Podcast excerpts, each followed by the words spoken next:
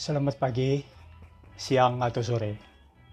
Ya, perkenalkan nama saya Atila Graziani Safei. Ini adalah podcast saya yang pertama yang disiarkan dari Kota Bandung uh, pada tanggal 18 April hari Sabtu tahun 2020. Podcast ini bernama Kasasi, kependekan dari kasus sana sini. Tentu yang akan dibicarakan dalam kasus sana sini saat ini adalah yang ramai dibicarakan masyarakat luas di Indonesia. Dan episode pertama ini saya akan mulai dengan sesi 1, sesi 2, dan sesi 3. Nah, pada sesi 1 ini saya akan mengulas seputar sejarah pandemik yang telah mewabah secara global pada masanya, dianggap global pada masanya.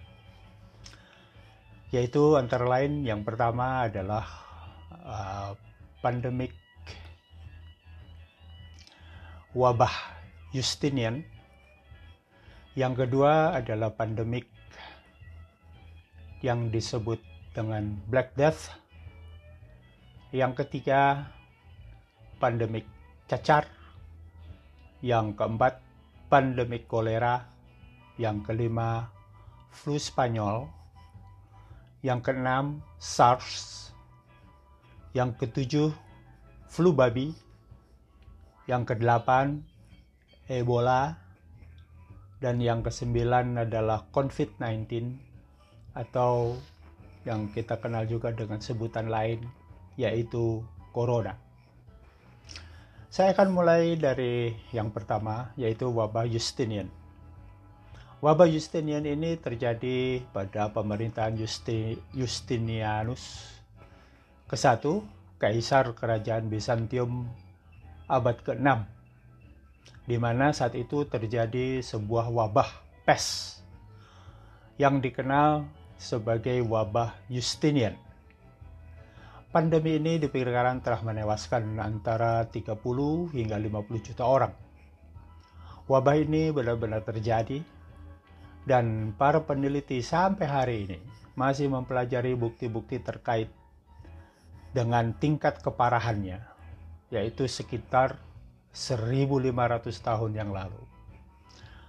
Akibat penyakit tersebut, sebagian besar perdagangan terhenti dan kekuatan kekaisaran menjadi melemah. Kondisi ini memungkinkan peradaban lain mengambil alih tanah Bizantium atau mengambil alih pemerintahan di tanah Bizantium. Nah, wabah ini terjadi ketika Justinianus berusaha menyatukan kembali bagian timur dan bagian barat dari kekaisaran Romawi. Yang kedua adalah Black Death. Uh, Black Death ini terjadi di antara tahun 1347 sampai dengan tahun 1300 51. Black Death disebabkan juga oleh wabah pes.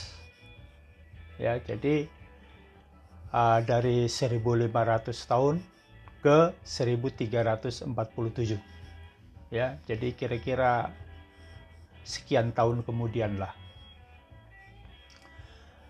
Nah, sampai dengan tahun 1300 antara 1347 sampai 1351 ya Black Death ini disebabkan oleh wabah pes juga yang menyebar ke seluruh Eropa. Pandemi pes ini menewaskan sekitar 25 juta orang. Ya, wabah tersebut menjadi awal menurunnya uh, perbudakan. Jadi ada baiknya juga wabah ini.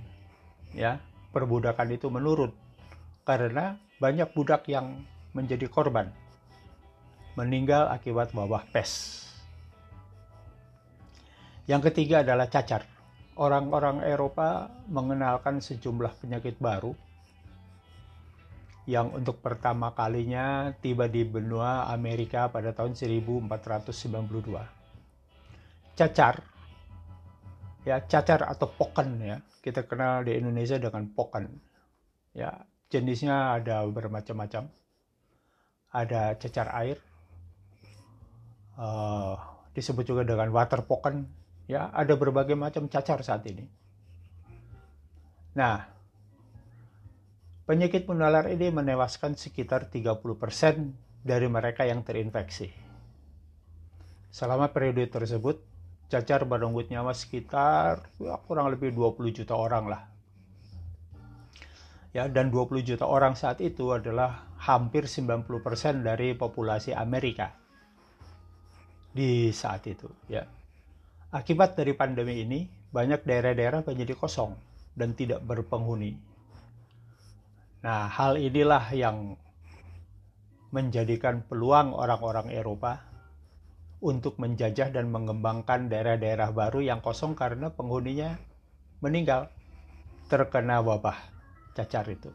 Nah, kita masih ingat saya waktu saya kecil ya di SD itu semua teman-teman itu di lengan. Lengan bahu ya apakah sebelah kiri atau kanan ada se seperti dua garis yang sejajar ya seperti angka 11 nah itu adalah vaksinasi cacar ya yang di apa namanya yang digores menggunakan pena. Saat itu pena yang dipakai untuk menulis ditempelkan ke cairan vaksin dan kemudian digores di lengan sehingga itu meninggalkan bekas yang seumur hidup tidak bisa dihapus seperti angka 11. Nah, perkembangannya tidak lagi digores tetapi di apa namanya? dicucuk-cucuk begitu ya, dicucuk-cucuk dengan menggunakan jarum. Ya. Tidak sakit, tapi asal saja dia menembus permukaan kulit. Ya, vaksinnya itu akhirnya begitu. Jadi tidak lagi besar ya, bergaris gitu seperti angka 11. Nah, kemudian yang keempat adalah kolera. Ya, pandemi kolera ini terjadi di Jesore untuk pertama kali itu di India dan menyebar ke sebagian besar wilayah ya hingga daerah-daerah tetangga India. Nah, WHO menyebut kolera ini sebagai pandemi, ya, dan mengatakan bahwa ini wabah uh, yang dimulai pada tahun 1961 ini dan berlanjut hingga hari ini dilaporkan telah menginfeksi 1,3 juta orang hingga 4 juta orang setiap tahun dengan kematian tahunan sekitar 21.000 hingga 143.000. Penyakit ini sendiri disebabkan oleh konsumsi makanan atau air yang terkontaminasi oleh bakteri tertentu. Nah, oleh karena itu, wabah kolera ini sangat membahayakan terutama di negara-negara dengan kesenjangan yang tinggi, ya kesenjangan dimaksud ini adalah kesenjangan sosial yang tinggi. Ya. Ya, dalam bahasa yang lebih umum adalah negara-negara dengan tingkat kemiskinan, tingkat kesehatan yang rendah, dan uh, adanya pembangunan sosial yang sangat kurang. Ya, di negara miskin lah ya seperti negara-negara miskin itu banyak kita ketahui ya di situ air bersih ini sangat kurang. Ya. Nah jadi suatu negara itu bisa disebut sejahtera kalau menurut saya ya di mana orang-orang di negara itu bisa meminum air langsung dari ledeng. Ya. Nah, pada saat saya kuliah dulu di bangku kuliah itu sering disebut bahwa suatu negara itu keadaan hukumnya itu bisa dilihat dari lalu lintasnya. Kalau lalu lintasnya semerawut, berarti hukumnya pun semerawut. Nah, saya punya pendapat sendiri. Ya, suatu negara dikatakan negara itu sejahtera, ya, atau masuk dalam tatanan negara sejahtera apabila setiap orang itu sudah bisa main, minum langsung dari air yang dikelola oleh perusahaan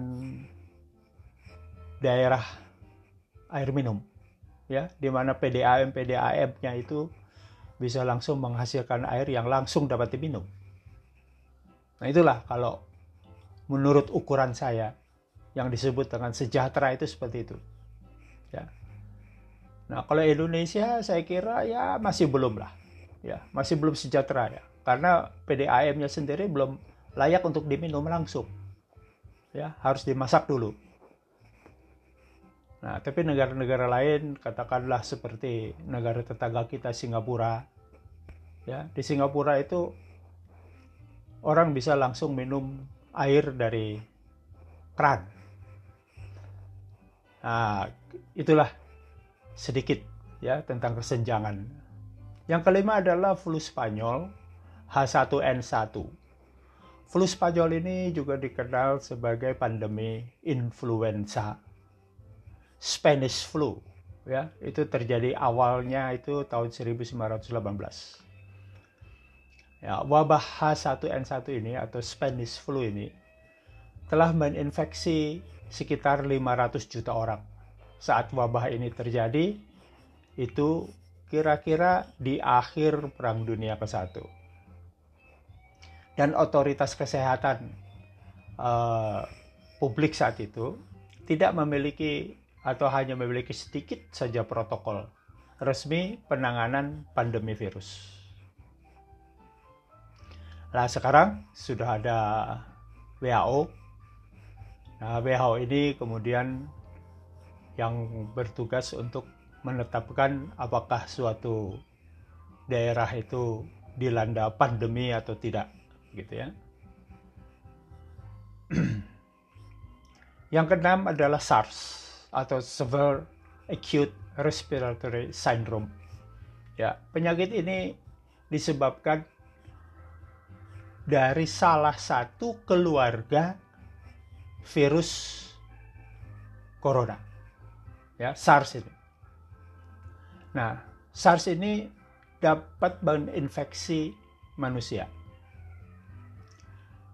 Nah, SARS ini ditemukan di tahun 2003 dan mewabah yang dimulai dari provinsi Guangdong di China dan menjadi pandemi global saat menyebar ke 26 negara menginfeksi sekitar 8.000 eh, orang serta menewaskan 774 di antaranya. Wabah SARS ini memberikan pelajaran untuk meningkatkan kesadaran pencegahan penularan penyakit ya terutama bagi Hong Kong di mana permukaan dan fasilitas publik Hong Kong itu dimulai dibangun secara teratur hingga hari ini. Nah, jadi si SARS ini, SARS ini ya masih keluarganya corona, ya satu keluarga dia dengan uh, virus corona. Nah, yang ketujuh ada flu babi. Flu babi adalah bentuk baru dari virus influenza yang sempat muncul di 2009. Wabah ini menginfeksi sekitar 60,8 juta orang di Amerika Serikat dengan kematian global antara 151.700 orang hingga 575.400 orang.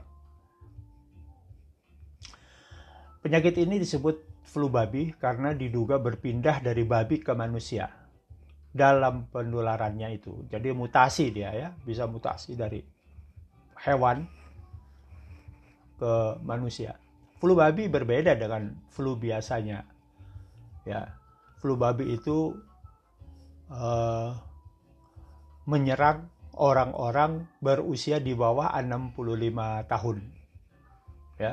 Jadi 80% lah. 80% itu yang diserang itu di bawah umur 65 tahun. Dan pandemi ini juga sangat cepat penyebarannya ya. Itu flu babi. Kemudian Ebola. Ya.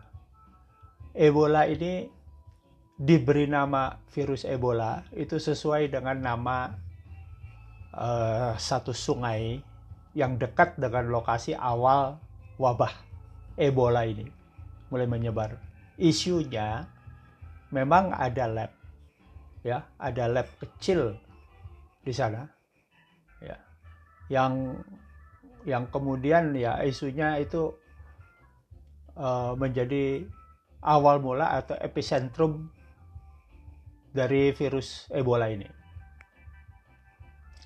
Nah, kemudian juga akhirnya ditetapkan sebagai pandemi yang dimulai dari desa kecil di Guinea dan ini terjadi kira-kira tahun 2014-an, 2014 ya, dan menyebar ke beberapa negara tetangganya di Afrika Barat. Virus ini sudah menewaskan 11.325 orang dari 28.600 orang. Nah, orang yang terinfeksi ini sebagian besar uh, ditemui juga di selain di Guinea, ditemukan juga di Liberia dan Sierra Leone. Nah, penanganan kasus Ebola ini diperkirakan menelan biaya total sekitar 4,3 miliar dolar Amerika Serikat. Nah, akibat daripada uh, pandemi Ebola ini, ya investasi yang masuk ke negara-negara tersebut secara dramatis menjadi sangat menurun. Nah inilah dampak dari uh, virus Ebola. Ya. Nah bahkan virus Ebola ini sebetulnya sebetulnya sih isunya ada di berbagai binatang juga, ya terutama mereka yang hobi memelihara binatang kura-kura. Nah, caranya adalah bahwa kura-kura itu harus dijemur. Ya, kalau dia ditaruh di satu kolam, ya maka harus ada batu di mana kura-kura itu bisa berenang, bertengger di atas batu untuk menjemur diri. Nah, itu jadi di tempurungnya itu itu bisa bisa ada virus ebolanya. Nah, jadi hampir semua binatang lah, ya hampir semua binatang peliharaan itu sebaiknya juga ada proses penjemuran ya di bawah sinar matahari. Nah, karena sinar matahari juga punya punya apa namanya? punya khasiat untuk membunuh virus. Ya, sinar matahari. Jadi ya itulah ya anugerah dari Tuhan. Ya bahwa sinar matahari ini juga memiliki berbagai macam manfaat. Salah satunya adalah bisa juga untuk digunakan membasmi virus-virus. Ya ya artinya virus-virus yang di luar yang belum masuk ke dalam tubuh manusia. Nah, kemudian sesi dua ini kita bahas sedikit tentang corona, COVID corona. Ya, COVID corona epicentrumnya juga berada di RRC. Ya, atau PRC. Ya, PRC itu People Republic of China. Dan, dan epicentrumnya di Wuhan. Ya, kalau SARS tadi di Guangdong, kalau COVID-19 atau corona ini epicentrumnya di Wuhan saya mendengar uh, untuk pertama kalinya tentang COVID-19 ini di akhir bulan Desember setelah uh, hari Natal. Ya. Itu untuk pertama kali saya dengar itu. Kira-kira tanggal 28 lah, 27 atau 28 Desember begitu. Ngobrol-ngobrol, ada pertemuan keluarga, ngobrol-ngobrol. Nah, di sana kita membicarakan tentang COVID-19 ini. yang terjadi di Wuhan. Ini awalnya saya dengar ini dan kemudian uh, dibicarakan ramai di Amerika Serikat itu pada bulan Januari. Ya bulan Januari saya kira bulan Januari setelah Imlek ya. Setelah Imlek gitu. Dan akhirnya WHO mengumumkan sebagai pandemik ya, virus ini sebagai pandemik yang hingga saat ini mewabah di seluruh dunia. Ya, kecuali 15 negara yang belum terpapar. Nah, 15 negara yang belum terpapar ini apakah karena negara itu tidak mengumumkan ya atau memang tidak ada virus apa COVID-19 ini. Nah, negara-negara yang termasuk dalam 15 negara itu adalah Komoro, Lesotho, Korea Utara, Tajikistan, Turkmenistan, Kiribati, Kepulauan Marshall, Micronesia, Nauru. Nah ini kalau Micronesia, Nauru, Palau, Samoa, Salomon, Tonga, Tuvalu, Vanuatu itu di Fiji Island itu itu semua di Pasifik. Ya. Dan di Eropa Timur itu corona itu hampir orang tidak bicara soal corona itu. Ya, sampai bulan uh, April kemarin ya, Maret, April kemarin. Ya, orang nggak nggak bicara soal corona itu di Eropa Timur. Ya, di yang tadi saya sebutkan tuh ya Tajikistan, Turkmenistan, Kiribati. Padahal pada saat yang sama ya Italia udah kewalahan itu dengan virus corona. Ya, jadi orang-orang yang yang ada beberapa teman yang dat pulang dari Eropa Timur ya yang tidak mampir ke Italia itu nggak kena ya yang nggak jalan-jalan di Italia gitu ya itu nggak kena. Tapi yang jalan-jalan di Italia salah satunya seorang pendeta teman saya positif. Ya, kena corona. Nah, itu 15 negara yang ya tidak tidak mengumumkan atau atau tidak apa namanya tidak tidak ada memberitakan tentang corona di masing-masing wilayahnya. Nah, terakhir pada sesi 3 ini saya akan sedikit membahas juga berkaitan dengan corona yaitu beberapa istilah. Ya, beberapa istilah-istilah yang sering kita dengar tapi uh, pengertiannya ini masih samar-samar ya. Banyak orang mendengar saya kira uh, di antara pendengar podcast FM saya ini tentu sudah ada yang mendengar istilah karantina. Ya. Nah, yang berhubungan dengan karantina ini misalnya misalnya istilah kekarantinaan kesehatan. Nah, itu misalnya ya. Lalu kedaruratan kesehatan masyarakat. Nah, ini istilah-istilah ya, ya. Kemudian karantina. Nah, tadi kekarantinaan. Kemudian karantina. Ya, kemudian isolasi. Ya, karantina ini terbagi atas karantina rumah, karantina rumah sakit, karantina wilayah. Nah, ini semua pengertiannya berbeda-beda. Ya. Dan terakhir ini PSBB. Ya, pembatasan sosial berskala besar. Ya, Bandung Raya sudah akan mulai minggu depan. Ya, pembatasan sosial berskala besar. Apa itu? Ya, ya kita sering mendengar social distancing, physical distancing gitu ya. Nah, tetapi uh, di Indonesia ini yang dikenal adalah pembatasan sosial berskala besar. Apa itu? Lalu apa yang disebut dengan status karantina, zona karantina, persetujuan karantina kesehatan, misalnya ya. Nah, ini semua istilah-istilah yang sering kita dengar, tapi pengertiannya mungkin tidak terlalu jelas ya di masyarakat itu. Nah, kemudian ada istilah faktor risiko kesehatan masyarakat. Apa itu faktor risiko? Ya. Lalu terjangkit, terpapar. Apa sih bedanya? Terjangkit, terpapar. Nah, ya, itu juga beda itu. Nah, lalu siapa saja pejabat karantina kesehatan itu? Lalu apa dokumen karantina kesehatan itu?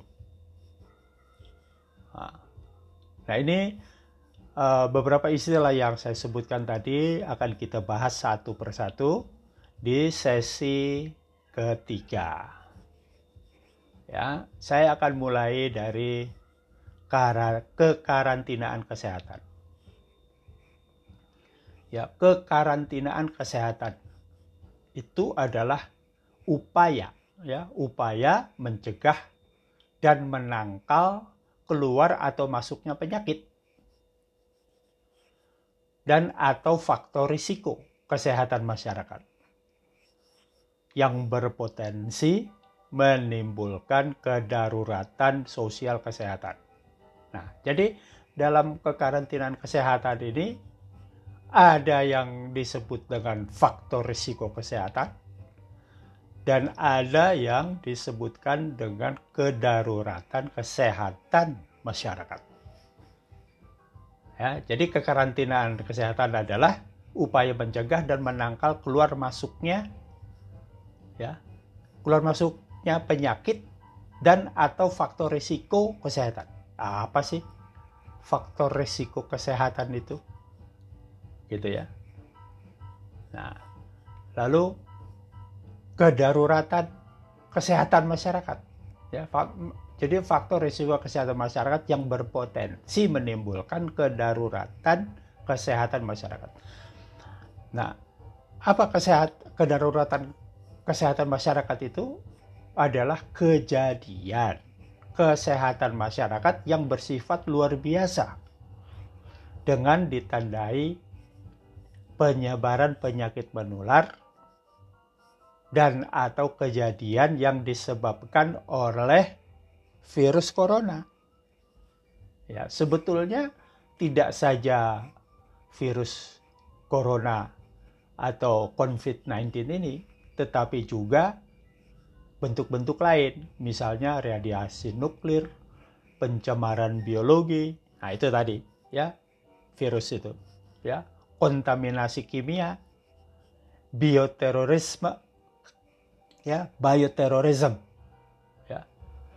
dan pangan yang menimbulkan bahaya kesehatan dan berpotensi menyebar lintas wilayah atau lintas negara. Nah, itu.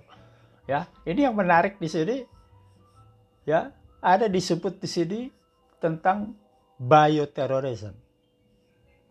Ya.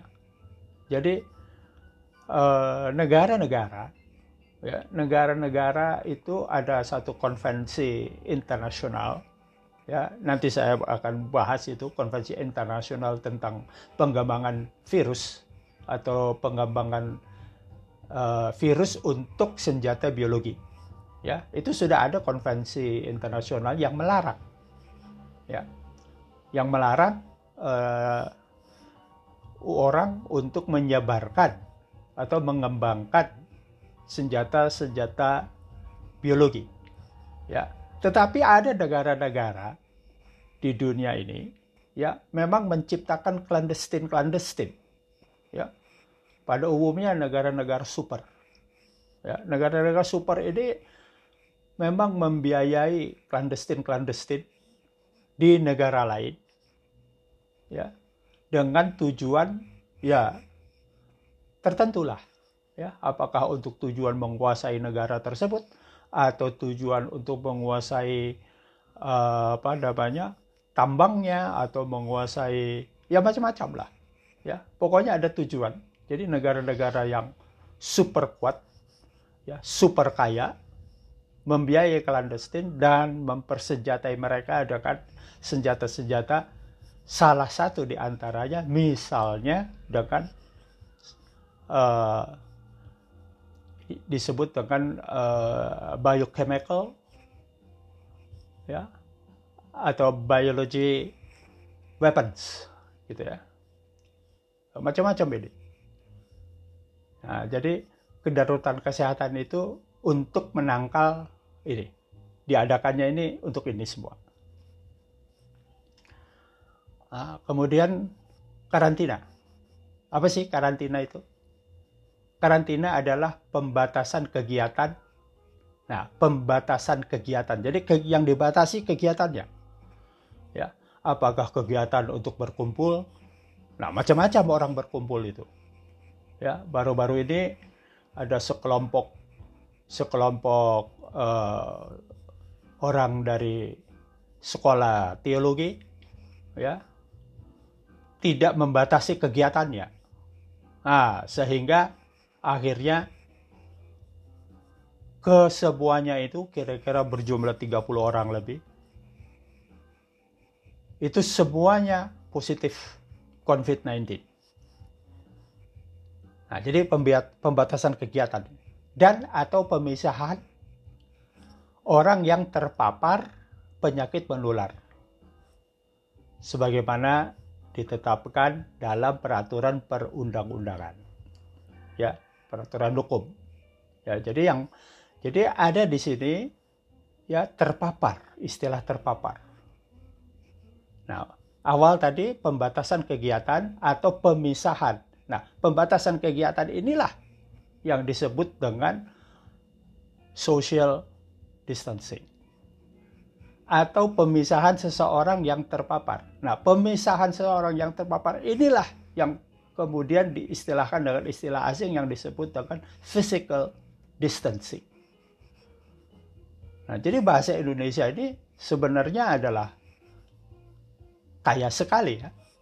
Jadi karantina adalah pembatasan kegiatan dan atau pemisahan seseorang yang terpapar. Nah, ya, terpapar penyakit penular. Nah, apa sih terpapar? Nah, nanti akan kita bahas ya. Terpapar itu apa? Apa bedanya itu terpapar? Kemudian isolasi. Ya, isolasi adalah ya kalau ada kabel listrik ya kabel listrik itu salah satu itu harus diisolasi atau kedua-duanya diisolasi supaya tidak korsleting ya menggunakan isolasi ban nah gitu ya jadi isolasi adalah pemisahan orang sakit dan orang sehat jadi orang sakit dipisahkan dari orang yang sehat ya yang dilakukan di fasilitas pelayanan kesehatan untuk mendapatkan pengobatan dan perawatan. Jadi isolasi itu nggak sembarangan, ya. Isolasi itu harus dilakukan di tempat fasilitas pelayanan kesehatan. Jadi jangan salah ya. Kebanyakan orang, aduh, saya isolasi di rumah, gitu loh. Aku isolasi loh di rumah. Benar nggak? Nggak benar. Ya, isolasi itu adalah pemisahan orang sakit dari orang sehat yang dilakukan di fasilitas pelayanan kesehatan. Nah, jadi nggak ada isolasi di rumah itu, ya keliru istilahnya. Ya. Nah, kemudian karantina rumah. Nah, kalau karantina rumah itu karantina itu tadi pembatasan penghuni rumah dalam satu rumah beserta isinya yang diduga terinfeksi. Jadi seluruhnya ya misalnya bapaknya atau ibunya atau salah satu dari anak-anak terkena positif ya. Lalu belum sakit ya belum sakit. Nah itu di karantina rumah. Jadi karantina rumah itu ya seperti tahanan rumah gitu ya tidak boleh ada yang masuk dan tidak boleh ada yang keluar gitu ya untuk apa? Untuk mencegah untuk mencegah penyebarannya. Begitu ya. Jadi karantina rumah itu kayak sama kayak tahanan rumah gitu ya. Mirip-mirip lah. Ya. Itu karantina rumah. Kemudian karantina rumah sakit. Pembatasan seseorang dalam rumah sakit yang diduga terinfeksi. Jadi misalnya ada sal A, sal B, sal C misalnya. Nah, sal salah satu dari itu adalah sal khusus ya untuk orang-orang yang dinyatakan positif gitu. Ya, nggak boleh disatuin sama sel lain yang penyakitnya berbeda lagi. Nah, kemudian karantina wilayah adalah pembatasan penduduk dalam suatu wilayah. Ya, suatu wilayah ini bisa yang paling kecil adalah wilayah eh, desa atau kelurahan atau kecamatan ya atau kota, kabupaten, provinsi. Nah, itu wilayah itu ya. Karantina wilayah. Jadi pembatasan penduduk dalam satu wilayah termasuk wilayah pintu masuk beserta isinya. Diduga terinfeksi penyakit. Jadi di karantina, tidak boleh ada keluar dan tidak boleh ada yang masuk. Untuk apa? Untuk mencegah mencegah kemungkinan penyebaran penyakit atau kontaminasi. Nah, pembatasan sosial berskala besar adalah pembatasan kegiatan tertentu penduduk dalam suatu wilayah. Nah, ini ya. Dalam suatu wilayah yang diduga terinfeksi penyakit dan atau terkontaminasi sedemikian rupa untuk mencegah kemungkinan penyebaran penyakit atau kontaminasi. Nah, ini tentu ada parameternya. Ya, tentu ada parameternya, misalnya diduga yang yang terinfeksi sudah sekian banyak, yang meninggal sudah sekian banyak, begitu ya. Nah, ini tentu ada masing-masing punya parameter sendiri-sendiri. Nah, status karantina adalah status yang ditetapkan uh, dalam peralatan angkut. Ya ya angkut ya. Misalnya orang ya orang carrier ya barang yang berada dalam suatu tempat untuk dilakukan kekarantinaan kesehatan. Jadi status zona karantina adalah area atau tempat ya zona lah ya tadi mirip-mirip itu. Ya, persetujuan karantina kesehatan adalah surat pernyataan yang diberikan pejabat karantina kesehatan kepada penanggung jawab alat angkut berupa pernyataan persetujuan bebas karantina atau persetujuan karantina terbatas. Ha. Selanjutnya faktor risiko kesehatan. Nah, tadi saya sebut ada faktor risiko kesehatan masyarakat. Ya, faktor risiko kesehatan masyarakat adalah hal, keadaan atau peristiwa yang dapat mempengaruhi kemungkinan timbulnya pengaruh buruk terhadap kesehatan masyarakat. Ya, itu faktor kesehatan masyarakat. Terjangkit. Nah, jadi terjangkit sama terpapar. Ya, apa itu? Ya. Terjangkit adalah kondisi seseorang yang menderita penyakit ya kondisi seseorang yang menderita penyakit yang dapat menjadi sumber penular penyakit yang berpotensi menyebabkan kedaruratan kesehatan masyarakat. Nah, tadi sudah saya jelaskan ya, kedaruratan kesehatan itu apa. Nah, kemudian terpapar. Terpapar adalah kondisi orang atau barang atau alat angkut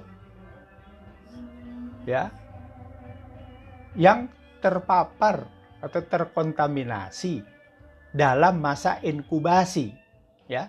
Masa inkubasi insektasi ya.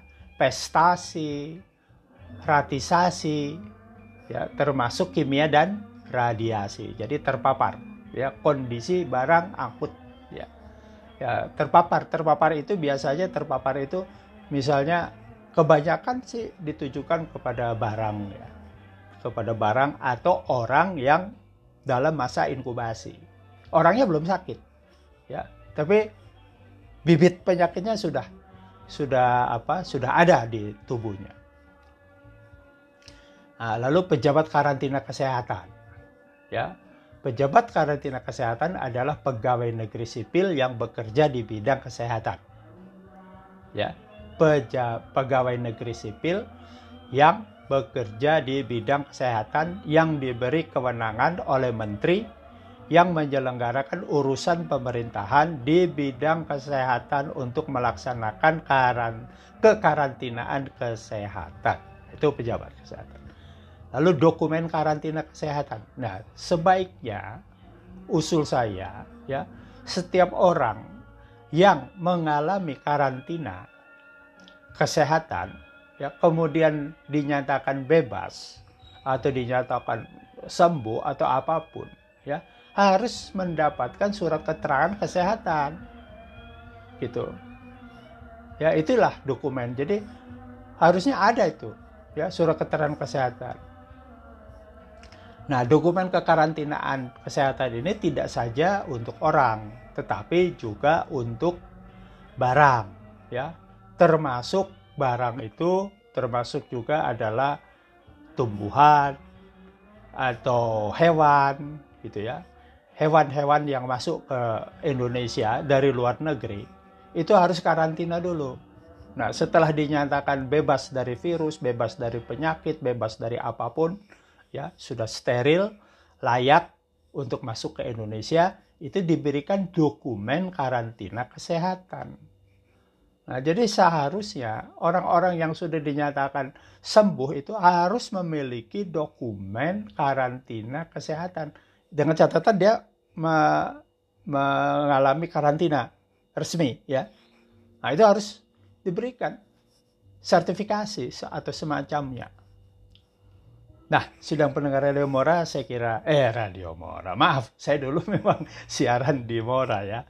Uh, sekarang ini saya punya podcast FM.